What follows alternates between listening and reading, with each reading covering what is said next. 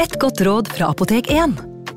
Nå er snart pollensesongen i gang, og et godt råd til deg som sliter med pollenallergi, er å begynne behandlingen i god tid før allergisesongen starter. Da får du nemlig enda bedre effekt av legemidlene, og så blir ikke våren din helt ødelagt. Kom innom og få råd på ditt nærmeste Apotek 1, eller chat med oss på apotek1.no. Apotek 1 vår kunnskap, din trygghet.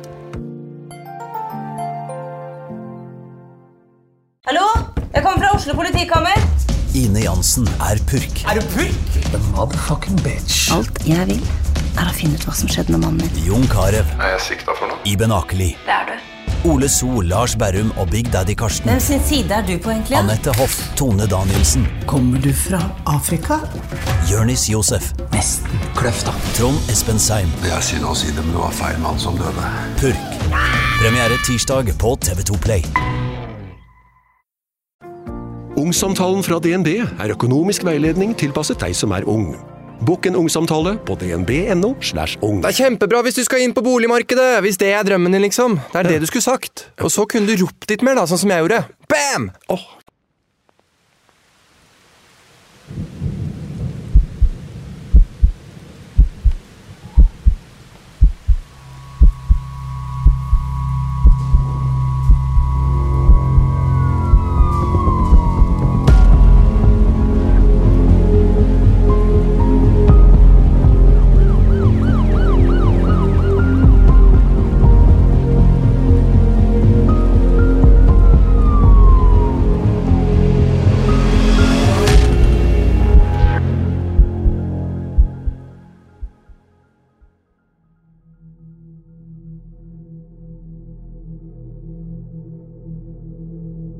Nattemørket hadde senket seg over New Orleans den 19. mars 1919, og rundt om i den store byen strømmet gledelig jazzmusikk ut av hvert åpent vindu.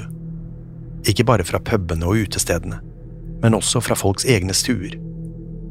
Overalt var det stappfullt av mennesker som svingte seg på dansegulvet, mens livlige jazzband spilte fra scenen. I ditt husen hjem, hvor folk hadde egne pianoer, fløt de liflige tonene fritt, sammen med lyden av klirrende glass. Hver bule var fylt til randen av festglade mennesker. Det var likevel i sterk kontrast til gatene utenfor. For mens musikken og dansen raste innendørs, lå natten dødsen stille ute. Ingen våget seg ut døren, ikke engang for å trekke litt frisk luft. Kvelden og natten var til for å danse, og ingenting annet. Utenfra så det ut som århundrets fest hadde skylt over New Orleans, og det allerede før første kvartal var over. Hadde man zoomet inn i de mange stuene og danselokalene, ville man likevel ikke sett et eneste smil på noens lepper. Den natten var det nemlig ingen som danset av glede, men for å avverge demonen som lusket i gatene. Demonen hadde også et annet navn – Øksemannen og han hadde terrorisert innbyggerne i New Orleans siden mai 1918, om ikke lenger. Kun dager tidligere hadde den ukjente trusselen kontaktet byens befolkning og kommet med et lite forslag. Enhver som spilte og danset til livlig jazz natt til 19. mars, ville bli spart. Ellers ville han rense ut alle som motsatte seg hans krav. Den som ikke danset, ville smake øksen. Da natten kom, ble hele New Orleans tvunget inn i en svingdans for å redde sine egne liv. De danset til føttene deres verket, og musikerne spilte til fingre og lepper ble såre. Likevel våget ingen å stoppe, selv ikke da utmattelsen var i ferd med å knekke dem, i frykt for at den beryktede øksemannen fulgte med fra skyggene. Våren 1919 ble begynnelsen på nok et mareritt for innbyggerne i New Orleans. I flere måneder hadde tanken om den fryktede øksemannen vært begravd langt bak i hodene deres. Ingen hadde hørt fra morderen på lang tid, og byens befolkning hadde andre ting å tenke på. Etter et utbrudd av spanskesyken mot slutten av 1918 var det blitt stille fra øksemannen. Da nyheten om at igjen var fred i Europa nådde statene, var det som alle overskrifter om New Orleans største trussel var visket vekk fra historien. Sannheten var likevel langt fra så betryggende. Tidlig i mars 1919 var en familie på tre blitt angrepet i nattens mulm og mørke, rett på den andre siden av Mississippi River, i den lille byen Gretna. Charles og Rosie Cortemilia var begge blitt stygt skadet av flere øksehugg, men skulle overleve angrepet. For parets to år gamle datter, Mary, skulle angrepet likevel være dødelig. Den lille jenta var blitt drept med et hugg mot nakken mens hun sov i sin mors armer. Til å begynne med mistenkte politiet parets naboer, Orlando Giordano og hans sønn Frank, for å stå bak angrepet. De to familiene hadde lenge hatt en feidegående, fordi de drev rivaliserende kolonialforretninger, noe politiet så som et mulig motiv for drapsforsøket. De håpet Charles og Rosie kunne bekrefte mistankene deres, men ekteparet hadde ikke fått med seg noe som helst før de begge lå alvorlig skadet i sin egen seng. Dermed var det ingen håndfaste beviser som kunne knytte Giordano og sønnen til angrepet. I New Orleans hadde politiet fått med seg angrepet på den lille familien, og mistenkte straks at det kunne ha noe med den beryktede øksemannen å gjøre. De tilbød seg derfor å bistå Gretna-politiet i etterforskningen, men fikk bare beskjed om å holde seg unna. I Gretna var de overbevist om at de allerede hadde funnet gjerningspersonene, og ikke trengte hjelp fra storbypolitiet. Dessuten satt en morder på den andre siden av elven, som på ingen måte var fornøyd med at Orlando og Frank Giordano fikk æren for angrepet. Den 14. mars 1919 dukket det derfor opp et brev på kontoret til storavisen The Times Picayune med returadresse Fra helvete. Brevet var langt og innviklet, og allikevel så inderlig tydelig i sitt budskap. Øksemannen ga seg til kjenne og advarte politiet mot å prøve å avdekke identiteten hans. Det de ville finne, var ingen mann, men en demon og en ånd fra det heteste helvete. Øksemannen påsto han kunne rense ut byens beste menn på én natt om han ville, og understreket at han alene holdt alles skjebne i sin hule hånd. Likevel skulle han også komme med et forslag som skulle sende New Orleans inn i en kollektiv panikktilstand. Nøyaktig klokken 12.15, natt til neste tirsdag, kommer jeg til å sveve over New Orleans igjen. Da jeg er en nådig ånd, har jeg tenkt til å komme med et lite forslag. Her er tingen. Jeg er veldig glad i jazzmusikk, og jeg sverger ved alle demoner i helvete at enhver som har et jazzband i full sving på det gitte tidspunktet, vil bli spart. Om dere følger oppfordringen min, gagner det dere alle. Jeg lover også at enhver som ikke spiller jazz denne tirsdagsnatten, om noen, vil smake øksen. Redaktørene i The Times Picayune visste ikke riktig hva de skulle gjøre. Morderen ba dem publisere brevet, slik at flest mulig ville bli spart. Likevel var det umulig å si om brevet faktisk var kommet fra øksemannen, eller bare noen som ønsket å spre frykt og kaos de ville ikke skape mer panikk enn nødvendig. Men hva om brevet var ekte? Hva om det å publisere det eller ikke var forskjellen på liv og død?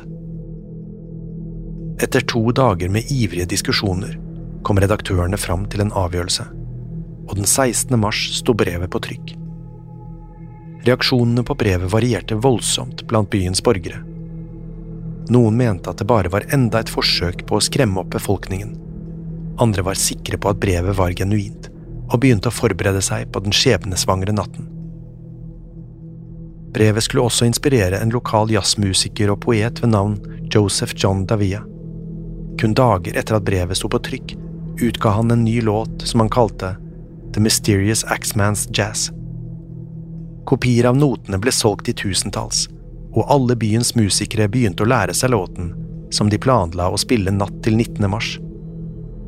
På forsiden av noteheftet var en illustrasjon av en familie som spilte musikk, med livredde ansiktsuttrykk, som om de spilte og danset for å redde sine egne liv. I ettertid skulle mange mistenke at musikeren selv sto bak det beryktede Øksemannen-brevet, kun for å promotere verket sitt. Likevel var det ingen tvil om at brevet hadde hatt innvirkning på folk. Innen mandag kveld hadde så godt som alle byens borgere lagt planer for natten. Noen trakk inn på pubene og utestedene, Andre inviterte familie, venner og naboer hjem til seg selv, og alle var de klare for en natt med endeløs musikk og dans.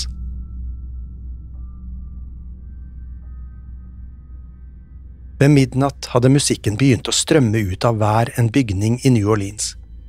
Folk slo vinduer og dører på vidt gap, bare for å understreke at de fulgte øksemannens oppfordring. Innbyggere med nok plass og penger hyret inn profesjonelle musikere til å spille i stuene sine. Andre måtte ta til takke med det gamle, ustemte familiepianoet for å oppfylle demonens ønsker. Og alle håpet det ville være nok til at den jazzelskende ånden ville la dem være i fred. Det var ikke en eneste musiker i hele New Orleans som gikk arbeidsledig den natten. Mange spilte og danset til langt ut på morgenkvisten, kun for å forsikre seg om at øksemannen ikke kom på besøk. Selv de som var skeptiske til om brevet var ekte, danset gjennom natten, om bare for å ha en unnskyldning til å feste. Andre igjen flokket til utestedene for å beskytte seg mot eventuelle angrep. Da solen steg over New Orleans neste morgen, ventet alle spent på nyheter fra natten. Hadde svingdansen for livet fungert? Eller hadde øksemannen slått til igjen? Det skulle snart vise seg at demonen hadde vært nådig. Ingen i New Orleans var blitt hugget til døde eller angrepet den natten.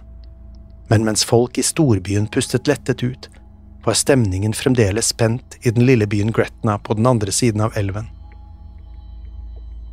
Selv om politiet fremdeles mistenkte Orlando og Frank Giordano for å stå bak angrepet på Cortimilia-familien, hadde de ingen håndfaste bevis. Likevel krevde byens innbyggere en oppklaring. En to år gammel jente var blitt myrdet, og noen var ansvarlig. Ryktene om feiden mellom de to familiene hadde spredt seg som ild i tørt gress, og snart var alle overbevist om at Orlando og Frank var skyldige. Det var til tross for at muligheten for at far og sønn var ansvarlige, var helt utenkelig. Yolando var en gammel og sykelig mann, som på ingen måte kunne ha svingt en øks med slik kraft. Frank derimot var en sterk gutt, men altfor kraftig og høy til å ha klatret gjennom hullet i døren som morderen hadde brukt til å komme seg inn og ut. Likevel var det som folk i Gretna allerede hadde bestemt seg for at de var skyldige. I mangel på skikkelige beviser bestemte politiet seg derfor for å skaffe et øyevitne i stedet. Tre uker etter angrepet, mens Charles Cortemilia fremdeles lå til observasjon, ble Rosie utskrevet fra sykehuset. Likevel skulle hun ikke få nyte friheten lenge. Hun ble straks anholdt av politiet som et essensielt vitne i saken. Rosie ble satt i en celle hvor hun skulle sitte til saken var oppklart. Den allerede traumatiserte kvinnen var livredd for hva hun hadde i vente og forsto ikke hvorfor hun satt innlåst. I tillegg nektet politiet henne å treffe familien så lenge hun ikke pekte fingeren mot den skyldige. Under enormt press fra politiet skulle det ikke ta lang tid før hun kom med anklagene etterforskerne ønsket seg. Innen noen få dager hadde hun lagt fram en detaljert beskrivelse av angrepet og lagt skylden over på Orlando og Frank Giordano.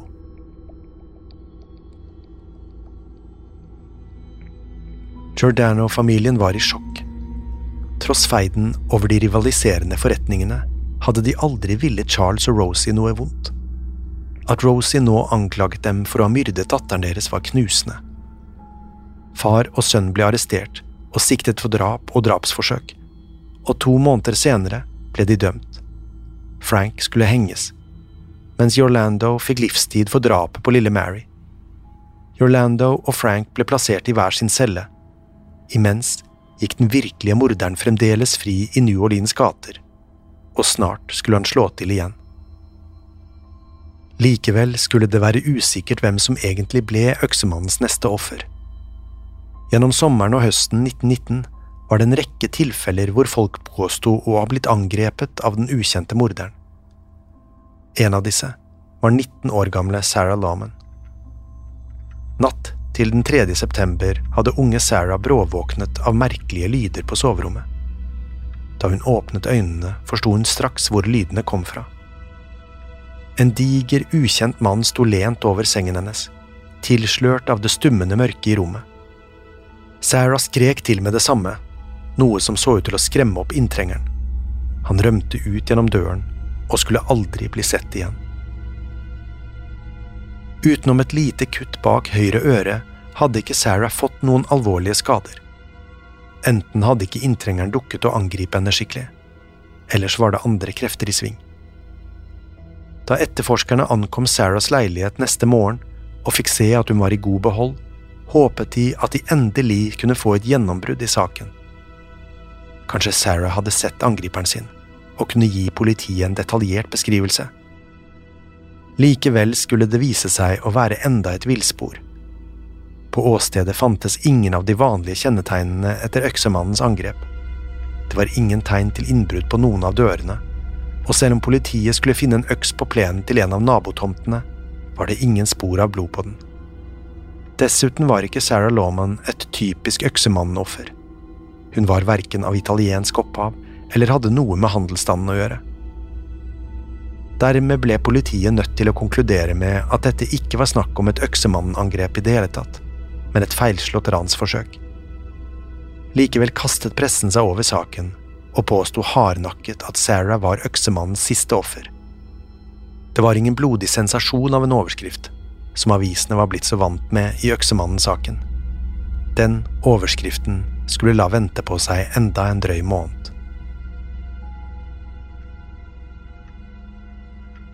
Det var begynt å lysne, den 27. oktober 1919, og en politibetjent var på vei hjem etter et langt nattskift. Han vandret rolig gjennom et nabolag da en elleve år gammel jente plutselig kom skrikende mot ham. Jenta ropte etter hjelp og grep tak i betjentens uniform. Hun forsøkte å dra ham med seg, mens hun skrek at faren hennes var full av blod. Politibetjenten fulgte med jenta inn i en kolonialforretning. De for gjennom butikken til en dør som førte inn i familiens leilighet. Der ble betjenten møtt av et fryktelig syn. 35 år gamle Mike Pepitone lå utstrakt på gulvet i en dam av sitt eget blod. Mikes ansikt var blitt hugget i stykker, men på mirakuløst vis så han fremdeles ut til å være i live. Pusten hans var rallende, og bobler av blod og spytt vellet opp i munnviken hans. Vegger og tak i den lille leiligheten var også tilgriset med blod.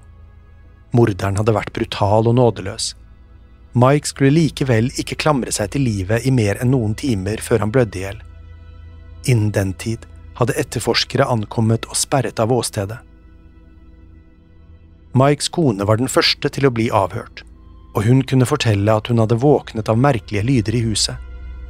Da hun kom ut fra soverommet, hadde hun sett silhuetten av en diger, øksesvingende mann, akkurat idet han var i ferd med å forlate åstedet.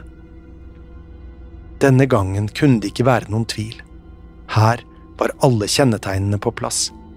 Dette måtte være den ukjente øksemannens verk. Likevel skulle politiets teorier bli slått ned igjen. Da venner av Mike ble avhørt, fikk politiet vite at Mike og faren hans hadde vært involvert i drapet på en annen italiensk immigrant over ti år tidligere. Altså så det ut til at drapet på Mike var en hevnaksjon, iscenesatt av den dreptes familie. Til tross for det skulle avisene nok en gang overse politiets konklusjon og slå opp stort at øksemannen hadde slått til igjen. På den måten ble historiene om morderen holdt i live. Rykter og spekulasjoner ble alt avisene skrev om den høsten, noe som bare kastet bensin på det allerede brennende bålet av panikk som fylte innbyggerne i New Orleans.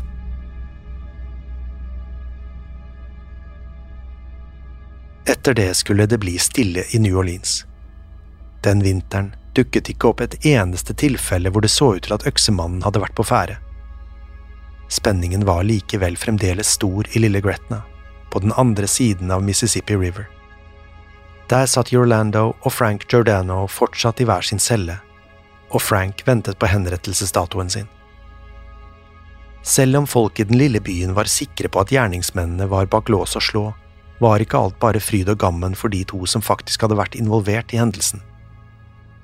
Traumene etter å ha mistet sitt eneste barn var for mye å bære for Charles og Rosie Cortemilia, og snart gikk det også utover ekteskapet deres. Kun måneder etter rettssaken mot Orlando og Frank skilte ekteparet seg. Tiden i ensomhet skulle gi Rosie rom til å tenke over alt som hadde skjedd siden den grusomme natten, og snart begynte skyldfølelsen å gnage i henne. Hun var årsaken til at Orlando skulle tilbringe resten av livet bak murene, og at Frank skulle henges. Politiet hadde overbevist henne om at far og sønn var skyldige, men nå begynte hun å tvile på sin egen tilståelse. Til slutt kunne hun ikke lyve lenger. Hun var nødt til å stå fram med sannheten. Rosie visste ikke hvem som hadde angrepet henne, og trakk derfor anklagene sine mot Orlando og Frank Giordano i februar 1920. Nyheten om Rosies tilståelse fikk snart ben å gå på i hele delstaten, og dermed begynte kampen for å få Orlando og Frank løslatt. Det skulle ta nærmere ett år, men i desember 1920 ble dommen mot Orlando og Frank reversert. De hadde sittet inne i halvannet år, men nå var de endelig fri. Det skulle også bli slutten på den mye omtalte Øksemannen-saken. Den samme måneden som Orlando og Frank ble satt fri, sa hovedetterforskeren fra seg jobben, og måtte innrømme at han ikke var kommet noe lenger i saken om den mystiske morderen. Når sant skulle sies, hadde det siste sikre angrepet fra øksemannen vært på familien Cortimilia. Selv om mange mente Sarah Lawman og Mike Pepitone også var blant ofrene, fantes det ingen bevis for det. Den beryktede demonen så ut til å ha forsvunnet og skulle heller aldri vende tilbake. Dermed hadde øksemannen holdt det han lovet i brevet til The Times Picayune, der han hadde nevnt at den siste natten han ville sveve over New Orleans, var natt til 19. mars 1919. Natten da hele byen danset og spilte jazz til langt ut på morgenkvisten.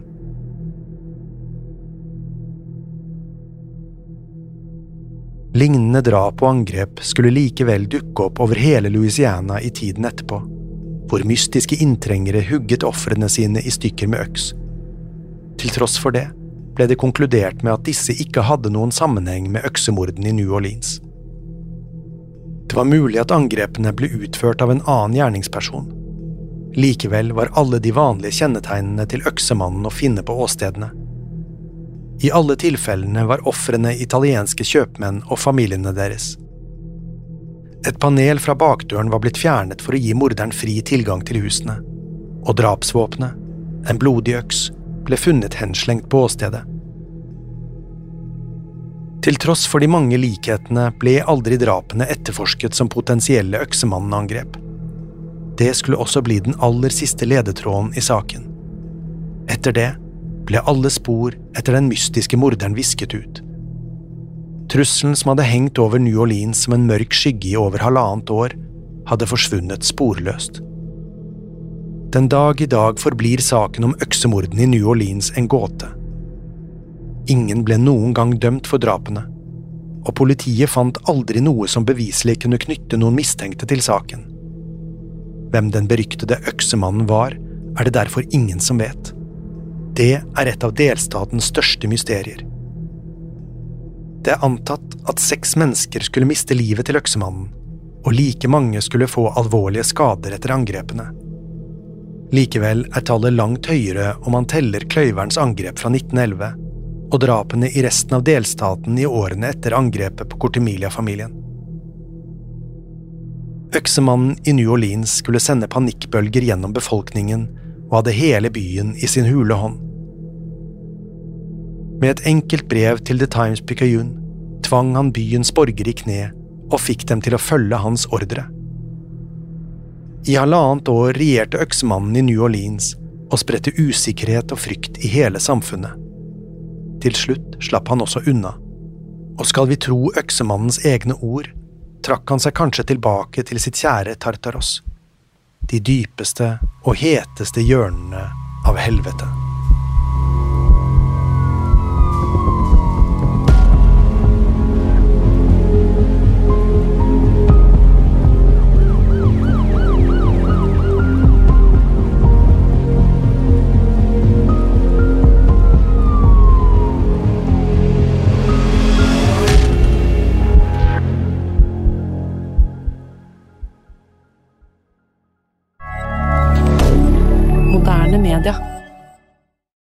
Har du et enkeltpersonforetak eller en liten bedrift? Da er du sikkert lei av å høre meg snakke om hvor enkelt det er med kvitteringer og bilag i fiken, så vi eh, gir oss her, vi. Fordi vi liker enkelt. Fiken superenkelt regnskap. Hei! Takk for at du lytter til True Crime Podden. Skulle du ønske at du kunne høre en ny episode av denne podkasten hver eneste uke? Vel, da er det bare å laste ned podkastappen Untold med en gang. I tillegg til ukentlige episoder av podkaster som Skrekkpodden, Synderne og Henrettelsespodden, får du masse annet reklamefritt og eksklusivt innhold. Last ned Untold i AppStore eller Google Play, og start din 30 dagers prøveperiode i dag.